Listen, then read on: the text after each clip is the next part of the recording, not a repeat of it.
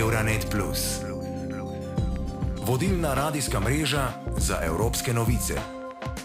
Najnovejše poročilo mednarodne nevladne organizacije ILGA Europe za Evropo in Srednjo Azijo kaže, da je bilo lansko leto najbolj nasilno leto za LGBTQ plus osebe v regiji v zadnjem desetletju, tako zaradi nasilja in zločinov iz sovraštva, kot tudi zaradi samomorov, ki so bili posledica naraščajoče sovražne retorike.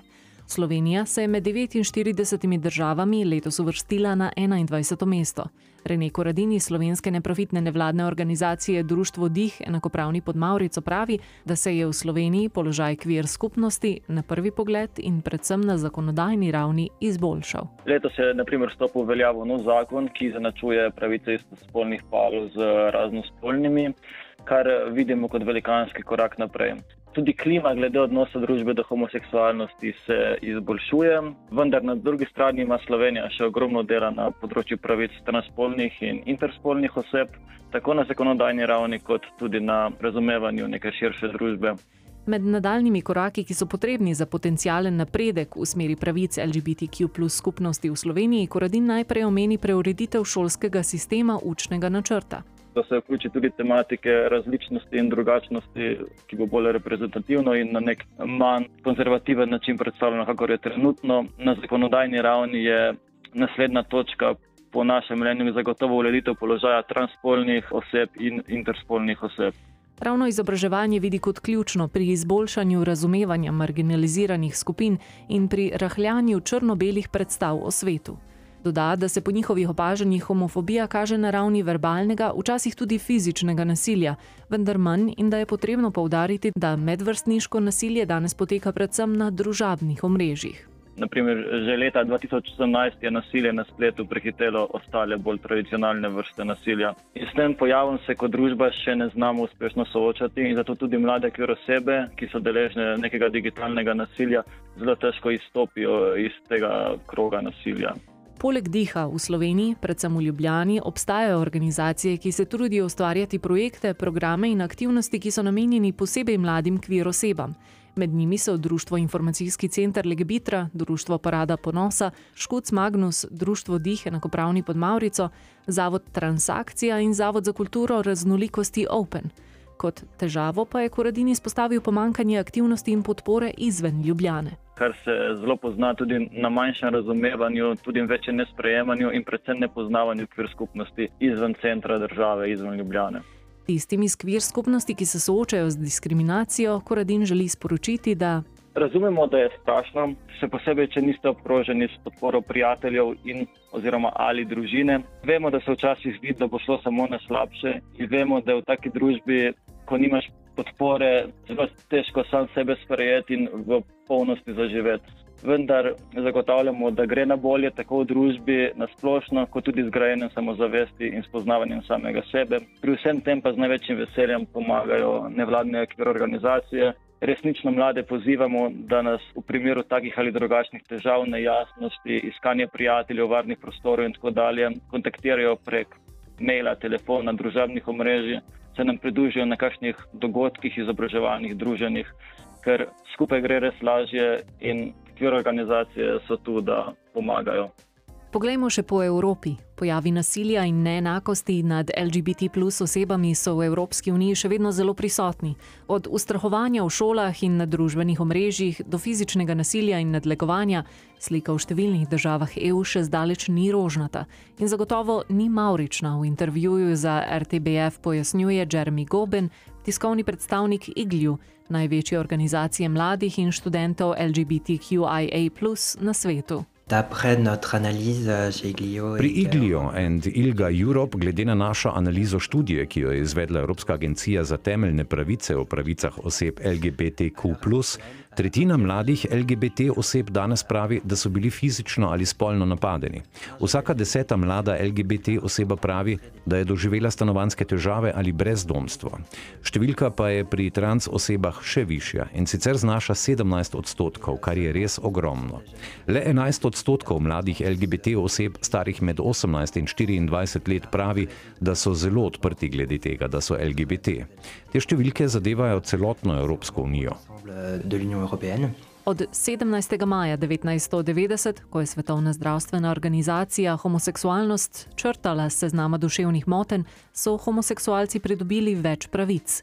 Evropska zakonodaja izredno prepoveduje diskriminacijo na podlagi spolne usmerjenosti in omogoča sprejetje ukrepov za boj proti takšni diskriminaciji. Toda družinsko pravo, ki vključuje istospolne civilne zveze, istospolne poroke in posvojitve strani istospolnih parov, spada v pristojnost držav EU. Evropska pravila pa veljajo le v čezmejnih primerjih, pravi Jörg Vojan, vodja predstavništva Evropske komisije v Nemčiji, v pogovoru z radijem AMS. Evropska komisija spodbuja projekte enakosti za skupnost LGBTQI po vsej Evropi. Poskušamo pa tudi ustvariti boljši okvir za enakost.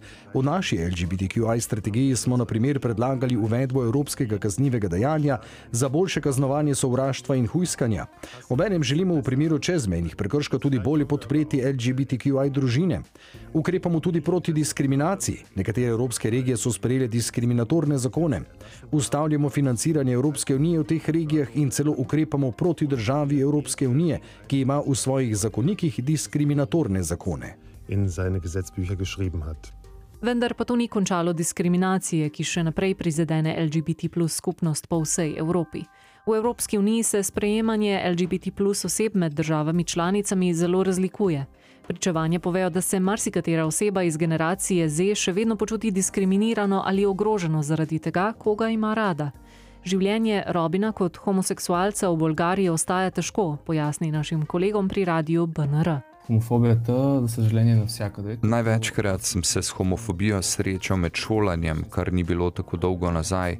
Na šolskih hodnikih so me redno zmerjali z izrazi kot so genderqueer ali peder.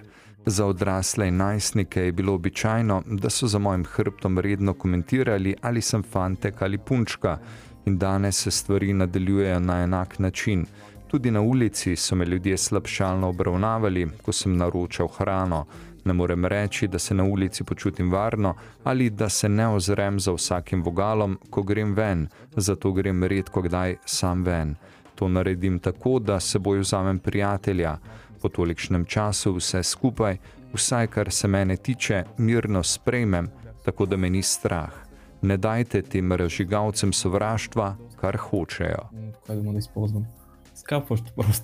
Laurenciju, 23-letnik iz majhne vasice na severu Romunije, za RTBF pove, da se je svoje homoseksualnosti zavedal pri šestih letih in da ga njegova posvojiteljica, pevka tradicionalne romunske glasbe, pri tem ni podpirala. Pri enajstih letih so ga poslali nazaj v sirotišnico, kjer so z njim grdo ravnali, dokler se ni odločil pobegniti v Francijo. Zdaj živi v Bruslju, svoboden in srečen. Pri 18 letih, ko sem odšel, nisem imel denarja, oblačil živo sem se na ulici. Pot iz Romunije v Francijo sem opravil peš in to mi je kar dobro uspelo. Moj cilj je bil iti naravnost in to sem tudi storil. Prišel sem v Biaric in se zaljubil v ta kraj, ne da bi pomislil, da zame sploh obstaja možnost kakršnega koli drugačnega življenja. Tam sem se naučil govoriti francosko, tam sem se naučil shajati in biti človek, kakršen sem danes. Imam službo, imam družino, konec januarja januarja me je partner zaprosil. To je nekaj, o čemer sem vedno sanjal. Ker v Romuniji, če si gej, to pomeni, da si bolan. Ljudje te obsojajo, ne moreš biti to, kar si. Ti vegaš, da te napadajo na ulici. Obstaja kar nekaj ljudi mojih let ali celo mlajših LGBT oseb, ki so se zlomili, ki so naredili samomor, ki so skočili z ogromnih zgradb v Bukarešti ali drugot po državi. Partout dans le pays. Florin Bohučanu je predsednik Accept, vodilne nevladne organizacije za človekove pravice v Romuniji, ki zagovarja pravice LGBT plus oseb tudi na nacionalni ravni. Radio Romanija ga je vprašal, kakšno podporo bi potrebovali mladi LGBT, da bi dosegli stopnjo sprejetosti in priznanja zase in okoli sebe. Podpora je potrebna na šolski ravni, saj v mnogih državah Evropske unije obstajajo najrazličnejše skupine in zavezništva na ravni učencev in študentov, ki podpirajo tiste, ki potrebujejo pomoč. Tu so skupine v več licejih in je zapleteno. Najdejo se najrazličnejši starši, ki so ogorčeni, da se o takšnih temah razpravlja. Toda zakaj ne bi razpravljali o teh vprašanjih, ki so del vsakdanje realnosti v Romuniji? Poseči moramo tudi na področje zdravja, med drugim v preprečevanje ajca in na področje spolno prenosljivih okužb. Vedno več najstnikov je, ne glede na njihovo spolno usmerjenost, izpostavljenih tveganju okužbe z virusom HIV ali drugimi spolno prenosljivimi okužbami službami, če ni preventive. Menim, da od leta 2007 Romunija nima nobene strategije na tem področju in nobenega operativnega načrta, kar je samomorilno, zlasti, ko govorimo o teh mladih in zelo mladih ljudeh. Spolna vzgoja je nujna in to moramo odkrito povedati. Ravno zato, da učenci ne dobijo informacij iz nefiltriranega spletnega okolja, ne da bi se prepričali, ali so te informacije znanstveno podprte. In mislim, da se je treba z njimi pogosteje pogovarjati. Seveda obstajajo tudi znotraj držav članic velike razlike v pogojih in sprejemanju LGBTQ plus oseb, zlasti med generacijami. Bo generacija Z uspela doseči spremembe? Na polskem, kjer se je polski radio pogovarjal s študentom Adamom, se stvari premikajo. Myślę, że jeśli chodzi o postrzeganie osób. Mislim, da bi lahko, ko gre za dojemanje LGBT oseb in kulture pri najmlajši generaciji, včasih celo veljali za modne kajti kar zadeva njihove simbole, veliko barov, izražanje, samo izražanje, je to nekaj, kar generaciji Z zelo ustreza in kar z veseljem prevzema. To pogosto vidimo pri priljubljenosti parad ponosa, stripov kot je Heartstopper, verjetno je, kar se tiče branja, med mladimi trenutno najbolj popularen. Tako da se mi zdi, da so vsi elementi zagotovo tukaj, kar je dobro. Največja odprtost je najverjetneje v mestih, velik obseg, število ljudi, ki živijo v velikih mestih, število turistov. Ker pa imamo danes dostop do interneta, tudi podeželje ni odrezano.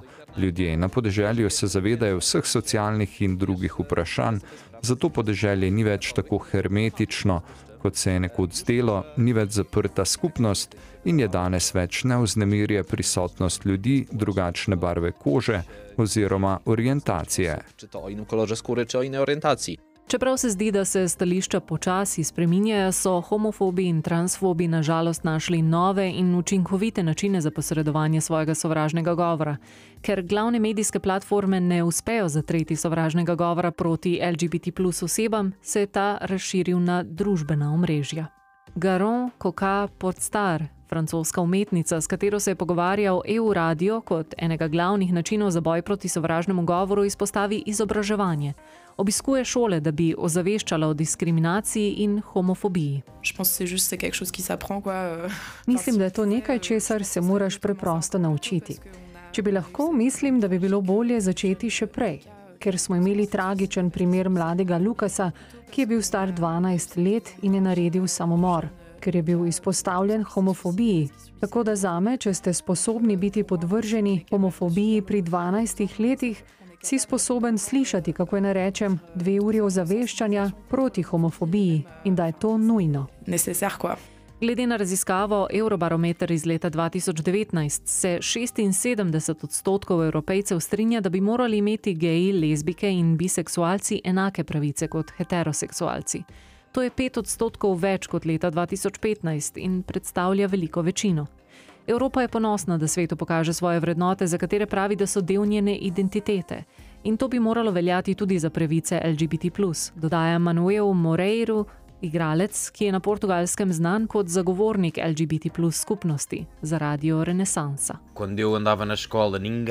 Veliko se govori o evropskih vrednotah, še posebej zdaj z vojno v Ukrajini. Veliko se govori o vrednotah Evropske unije. Pravzaprav je resnica, da obstajata ena ali dve državi članice Evropske unije, ki ne samo, da se nista razvili, ampak sta tudi nazadovali glede vprašanj LGBTI. Primer Mačarske je zelo učiten, ker tam so zdaj potrdili zakon, ki ljudi celo spodbuja k prijavi homostarševskih družin in k prijavi ljudi, ki so homoseksualci. To je zelo resno, zato menim, da bi morali vsi na nek način zahtevati, zahtevati, da ljudje različnih držav izvora njihove vlade pritisnejo na Evropsko unijo, da zagotovi, da se to vrstno vedenje različnih držav kaznuje. Mislim, da ni združljivo živeti v Evropski uniji, ki toliko govori o vrednotah, vrednotah enakosti in raznolikosti ter enakih možnosti, na to pa dovoliti državam članicam, da na ta način obravnavajo državljane LGBTI, saj so državljani ljudje in zato pravice LGBTI človekove pravice. Euronet Plus za boljše razumevanje Evrope.